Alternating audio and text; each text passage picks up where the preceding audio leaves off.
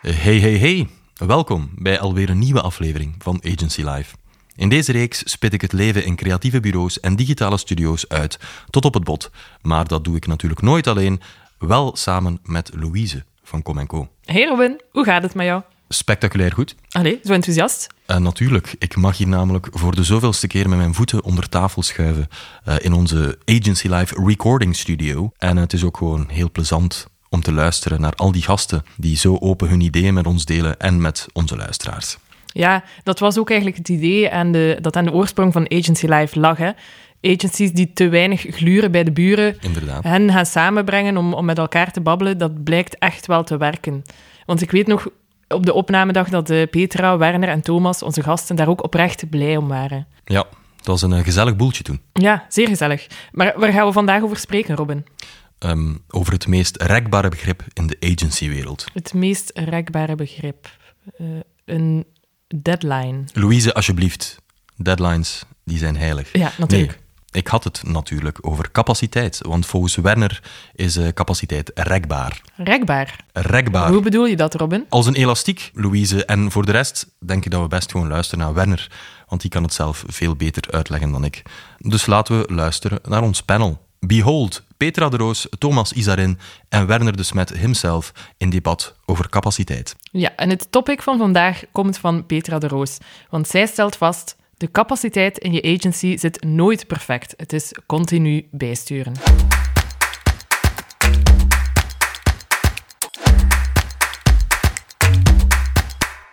Capaciteit in een agency, um, het is een heikel thema. Ja, we zeggen dat zelf ook vaak. Hè. Ik zei altijd, nee, ofwel te weinig ofwel te veel. Uh, en dat, dat, dat blijft, het is nooit juist goed. En dan ben je toch liever net met iets te weinig dan met iets te veel. Maar, maar het is wel, ja... Je kunt niet van tevoren aan al uw klanten vragen of dat iedereen even onderling wilt afspreken, dat de jarenplannen op elkaar worden afgestemd en dan even doorgeven wanneer dat de vakantie van onze mensen graag ingepland wordt. Dat werkt natuurlijk niet zo. Hè. Wij staan aan de servicekant. Wij, wij passen ons aan naar, naar wat dat er is. En je kunt een klein beetje proberen, als je het gevoel zou hebben dat er een gat valt, om te proberen om iets naar voren te trekken. Of, of aan de andere kant proberen om, om, om iets wat, wat verder vooruit te schuiven. Dat, je probeert dat wel, maar het is, het is zeker waar dat het een uh, altijd durende struggle is als agency om te proberen om een zo goed mogelijke match te vinden tussen het werk dat gedaan moet worden en de ploeg die dat er is. En we hebben een bewuste keuze gemaakt dat wij bijna alleen met interne mensen werken. En is er op onze eigen payroll. Ons, mm -hmm. Onze freelance capaciteit is, is zeer beperkt. Dat zorgt ervoor dat je weet dat je echt, echt goed talent aan je kunt binden en daar, en daar een cultuur mee kunt creëren. Ja, op zo'n momenten ga je uiteraard wel een beetje op zoek naar, uh, naar dat op te vullen. Maar ja, dat is de eeuwige struggle van een uh, agency. Ja. En is dat doorheen de jaren uh, geëvolueerd? Is dat makkelijker of moeilijker geworden, die planning? Goh, ik herinner het mij als iets dat er al altijd geweest is. Ik denk wel dat... En vaak wordt er gezegd dat, dat, dat COVID de aanleiding was geweest dat er opeens geen... Uh, geen, ja, alle jaarplannen overboord gegooid uh, werden. Ik heb nu nog altijd, maar voor een aantal van onze klanten, het gevoel dat die al terug echt plannen voor een heel jaar, een lange termijn aan het maken zijn. Een aantal anderen zitten nog altijd niet in diezelfde flow om, om dat lange termijn terug te plannen. Dus ik denk dat... Uh, en voor een stuk is dat ook niet gek. Hè? Ik denk dat, onze, uh, dat er een basis is die dat ook sneller verandert in waar dat opportuniteiten liggen.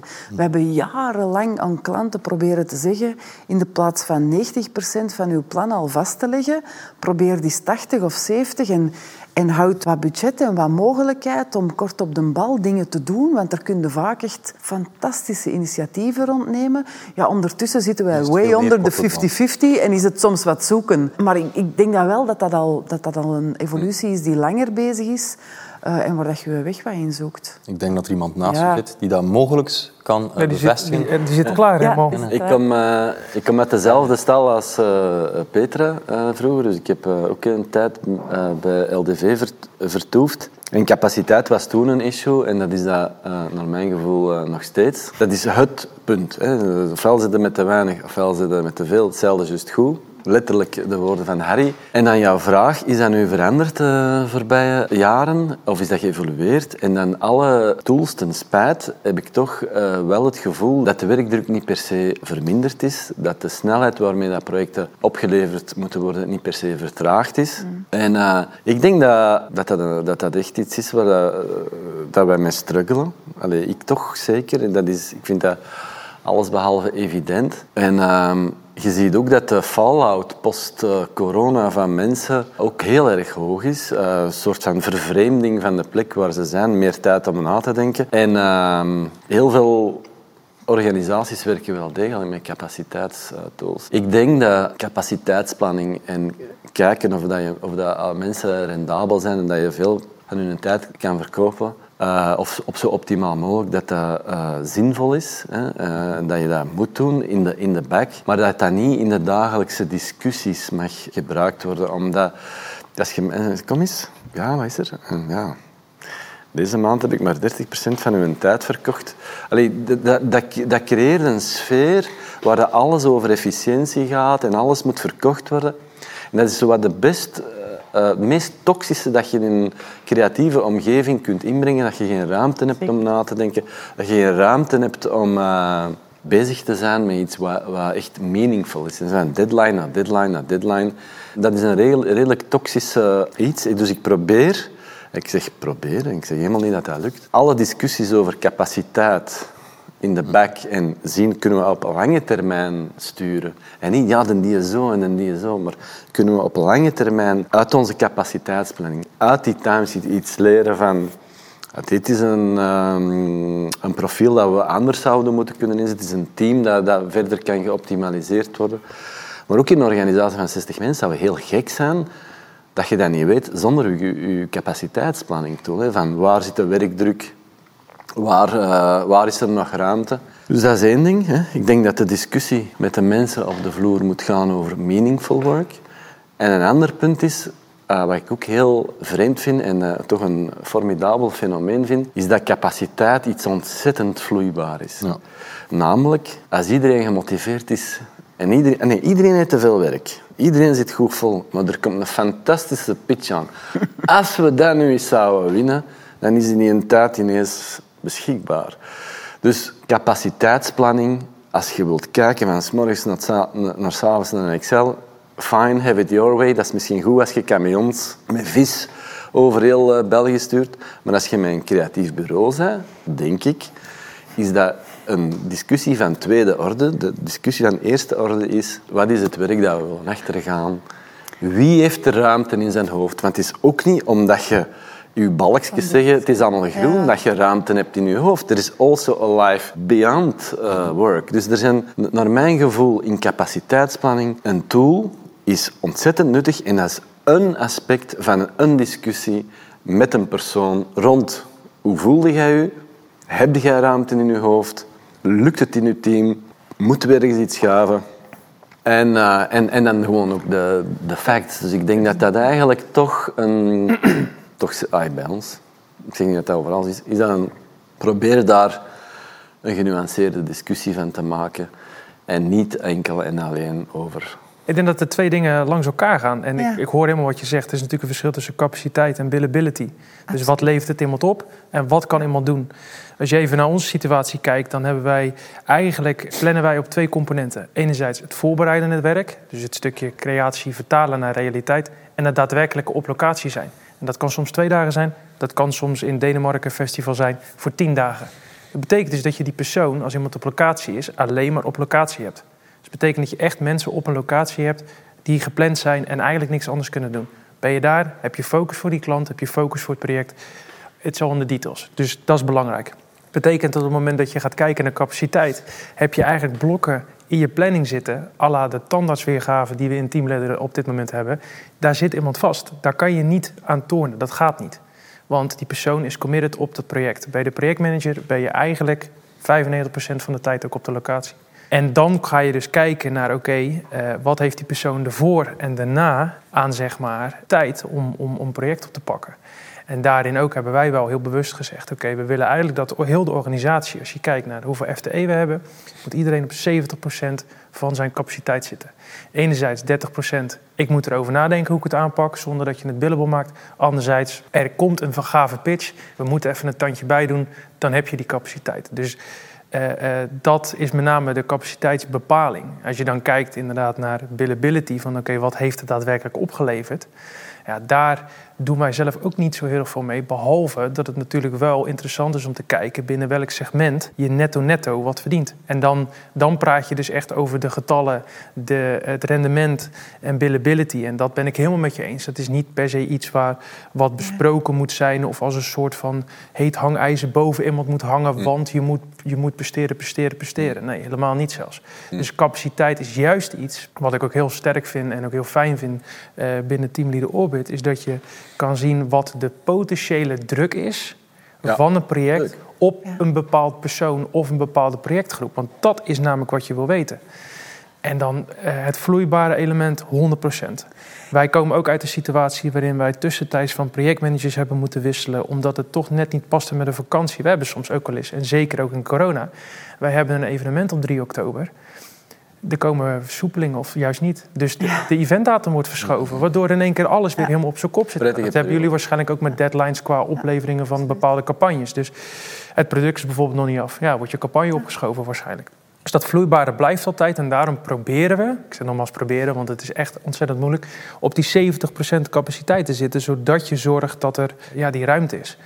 Eh, waar ik ook wel benieuwd naar ben, en ik wil zeker jouw rol niet overnemen, is waar schaal je op? Kijk, uiteindelijk ben je als bedrijf zijnde, dat, vind, dat vinden wij ook een heel moeilijk onderwerp nu. Wij zijn een bedrijf van 30 mensen. Hmm. Zeg even, 75% is echt projectproductie eh, uh, en 25% overhead. Ga je opschalen in je projectorganisatie of ga je opschalen in ondersteunende functies, zodat project- en productiemanagers worden ondersteund? Nou, die balans, wat, wat, waar doe je goed aan? Versus capaciteit hebben om. Ja, dat, Mag ik wel eh, iets over zeggen? Om, om, te beginnen, ik vind dat, dat... Het gaat niet zo over timesheets, hè? Nee. Als je timesheets goed wilt gebruiken, en dat gaat een stuk van uw antwoord zijn, als je dat goed wilt gebruiken, dan moet je vooral tegen mensen zeggen, we gaan daar op individueel niveau nooit naar kijken. Nee. Want dan gaan mensen invullen wat ze denken dat ze moeten invullen. Voor... Het is niet relevant. Als je daar iets mee wilt doen, voor sommige klanten is dat relevant omdat die nu eenmaal uurtje factuurtje, omdat er evaluaties aan vasthangen. Maar voor de rest moet dat mensen geruststellen. De bedoeling is dat dat een weergave is van de realiteit. En daarna, als er iets geïnterpreteerd moet worden, dan, ja, dan, dan zullen we dat daarna wel doen. Als, als ik, ik hoor bij jullie, dan is dat... Ja, die zijn dan tien dagen in Denemarken en dat dat is, ik weet niet hoe gemakkelijk. Uw planning is uw realiteit op dat moment. Nee, ik, eh, eh, het heel, heel nobel antwoord. Ja. Eh. Terwijl dat bij ons zitten wij... De creatief moet een idee bedenken.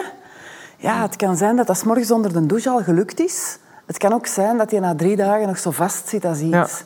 En hoe gaat het daarmee? Ja, nee, maar dat is dus weer aan jullie kant het, het vloeibare. En bij ons is dat... Uh... Wat dat heel interessant is, er is zo, ik heb zo een talk gezien, een half uurtje van John Cleese. En die zei, als ik met Graham Chapman van die sketchjes aan het schrijven was, dan hadden wij weken, dat wij, de dagen dat wij knalden en, en dagen dat wij niks hadden op het eind van een dag. Maar aan een tijd hadden wij het wel door dat wij op een gemiddelde week 17 tot 19 sketches schreven. Dus er is een soort van Mediaan, ja. gemiddelde dat je wel ergens uit kunt En dat is interessant. Als je lang genoeg met mensen werkt, dan weten van uw verschillende teams wat ongeveer die mediaan en daar kun je rond gaan werken. Heb je dat zelf al gevonden, Petra? Voor ons, ah wel, daar wou ik nu toe komen voor uw opschaalvraag. Wat dat, um, we, we hebben er waren heel veel changes in klanten bij ons. Nieuwe budgetten, nieuwe klanten, mensen die, eh, klanten die dat, dat uh, stopgezet worden of die dat door omstandigheden heel andere budgetten. Um, we hebben op een gegeven moment gezegd, wat moeten wij in godsnaam met volgend jaar doen? En afhankelijk van de klant worden die ook op een totaal andere manier geserviced. Als je een internationale klant heeft, veel adaptatiewerk, lokale klanten, soms heel veel lokale creatie. Is dat een medium, dan moeten wij bijna geen productie meer doen. Wij zijn type klanten gaan definiëren en gaan kijken om, um, om dit budget te verdienen. Welke profielen worden daar gemiddeld voor ingeschakeld in percentages?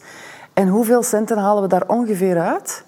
En dat in die buckets gaan extrapoleren op wat onze inschattingen waren voor ons volledig klantenbestand voor het jaar daarvoor. En op basis daarvan hebben wij volk aangeworven. Uh, het is wel grappig, dat is precies hetgeen hoe wij het ook uh, hebben gedaan. Alleen, voor 22 nu, maar dan nog. Er is maar één valkuil. En dat is, als je een tekort hebt op een bepaalde afdeling en je gelooft dat dat een belangrijke afdeling er gaat nooit uit je analyse uitkomen dat dat belangrijker wordt omdat die hebben geprobeerd om het gewoon te doen met wat ze hadden dat jaar. Ja. En als dat, als dat maar één mens was, dan kan die nog 120% gewerkt hebben. Er gaat nooit uitkomen dat je er twee nodig hebt. Dus een stuk dat, daarvan is, dus, is, ook wel ja. strategie waar dat je wilt oh, bereiken en waar dat je gelooft Het is ook maar net waar je begint. Kijk, begin je zeg maar vanuit... Uh, er zijn natuurlijk twee manieren. Uh, Bottom-up of uh, top-down. Want op het moment dat je zegt, wij hebben... Ik denk dat je de twee moet doen. wij, wij doen constant de twee naar elkaar. Ja, nee, natuurlijk. Maar op het moment dat jij een, een planning maakt voor het begin van het jaar... dan zeg je, oké, we gaan of kijken... wat willen we commercieel gaan uh, bewerkstelligen... en daarna ga je kijken, heb ik de juiste mensen... om de juiste segmenten en dus ook klanten te bedienen? Of je gaat vanaf onderen kijken, wat heb ik in de organisatie zitten... en wat kunnen we daar dit jaar mee gaan doen? Dat zijn natuurlijk twee manieren. Wij doen de twee. Je probeert die te de, de, ja, de, de, twee. Maar de meest fundamentele vraag is... Waar geloven wij dat onze ontwikkeling zit? Ja, waar wil je naartoe? Tuurlijk. Ja, ja maar heel concreet. Van waar zit de ontwikkeling op onze klanten? Wat geloven wij dat wij aan nieuw business kunnen nog uh, aanpakken? Of wat er op ons... Allez, wij hebben daar niet voor een heel jaar, maar als je zo historisch kijkt, hebben wij er ook altijd het gevoel bij van, één, wat valt er weg? Wat, komt, wat, komt, wat denken wij dat er gaan bijkomen? Op welke klanten gaat dat erbij komen? En ook, en dat is een belief, welke service, is het PR, is het influencer marketing, is het social media eh, management of something else, creatie, productie, waar geloven wij dat als wij erop wat gaan duwen, dat we het echt gaan ontwikkelen? Hoe kunnen wij bijvoorbeeld onze entiteit in Nederland verder ontwikkelen? Van waar komt de wind? Daar hebben wij veel discussies over. En dan ook weer al, niet alleen in het managementteam, maar bottom-up, top, allez, top-down. Uh, onder elkaar. Meeting in de middel, ergens. Ja. En wij hebben een snoeiharde forecastcultuur. Dus elke maand met alle teams, waar komt de wind vandaan? Waar zijn de opportuniteiten? Waar kunnen we iets ontwikkelen?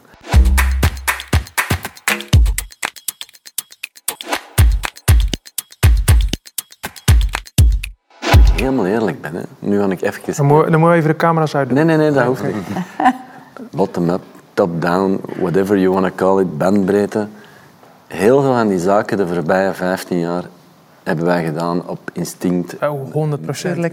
Uh, onze, onze managing director, hè, dit is even op zijn Holland stand, die noemt het al het gezond boerenverstand. Ja. Daar, daar doet hij het op en dat doet hij hartstikke goed. En, en, ik heb en, het en we moeten alleen de, getallen, geleerd, alleen de getallen gebruiken om te zorgen dat je continuïteit creëert. En that's it. En um, wat ik zo leuk vind aan teamleader, is dat hij mijn boerenverstand, en bij mij is dat echt heel primitief, mijn primitieve ondernemersverstand dat dat, dat wat gaat... Je kunt dat wat postrationaliseren daar, of wat? ook wat. Winner doet dat nu niet. Of, of ja. zie eens, ik had daar wel degelijk Zie je wel, Zie je wel? ja, maar dat is voor achteraf. Hè. En zolang... Ik heb nu het geluk ook gehad, moet ik ook eh, hard gewerkt voor het geluk, maar wij hebben in een flow gezeten, in een uh, business die echt wel groeide. Wij zijn we hebben dat goed aangepakt, maar wij zijn wel gesprongen op iets dat in ontwikkeling was. Alles wat met mhm. content te maken had, communities, influencers. Wij zijn daar van in het begin opgesprongen. Wij zijn mee gegroeid. Dus ik heb altijd wel het gevoel gehad dat ik een speelveld had zonder dat er iemand... Ja, dat gaat niet en uh, je kunt dat niet doen, want je moet de capaciteit in houden.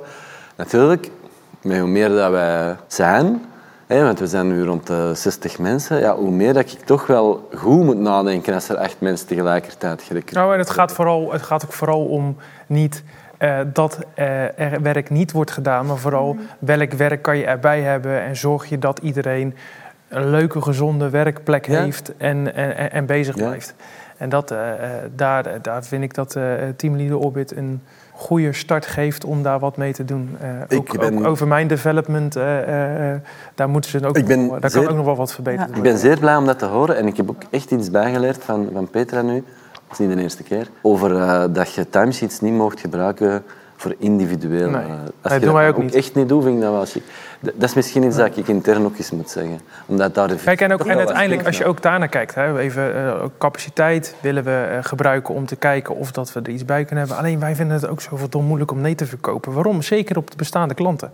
Dus bij ons is die flexibele schaal is juist iets waar we naar willen kijken. Van oké, hoe kunnen we dus enerzijds opschalen aan project productiemanagement, of wil je juist opschalen aan de onderkant vanuit support. Nou, dat, dat, daar, daar struggelen we nu heel erg mee. Wat vind je het plezantste? Waar verdient het best uw kost mee? Wat vinden uw mensen het leukste? En waar Ja. kun je het gemakkelijkste op recruteren?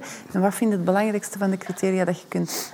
Ja, Slechts vijf à zeven vragen. ja nee, ja, daarom heel top. Ja, Ja, dan moeten we nog een dag extra eraan bijplannen. beginnen, Nee, zeker. ik. Bijna ikigai, hè. Wat heeft de wereld nodig? Wat doe ik graag? En waarvoor ik word betaald. Voilà. En dan even nog over die, die timesheets. Want eh, eh, het geeft, eh, eh, je, als je dan kijkt ook hoe we het zeg maar, gebruiken, is wij eh, maken een indicatie van het projectmanagement wat wij per fase moeten doen. Zeg een dag, twee dagen, drie dagen en vier dagen op locatie. En evalueren is altijd gratis. Hè. Dat doen we gratis, dus dat is goed. Dat is het eerste eh, waar iedereen op aangaat. Maar in ieder geval. Ehm, en vervolgens wat er daadwerkelijk voor uren wordt gedraaid op het project, dat interesseert ons eigenlijk niet zoveel. Het gaat erom dat men een gesprek heeft met een klant en dat men snapt welke fases we doorlopen. En ja, als je achteraf een volgende keer hetzelfde weer een keer gaat doen, kan je aangeven. We gaan hem wel iets op ogen, want de vorige keer hebben we wel dit en dit gedraaid. Maar dan moet Dus het het is de weten. tool achteraf. A posteriori, hè, altijd. Ja. En om learnings voor te halen uit de toekomst. Ja. Dat is, dat is interessant. Hè? Ja.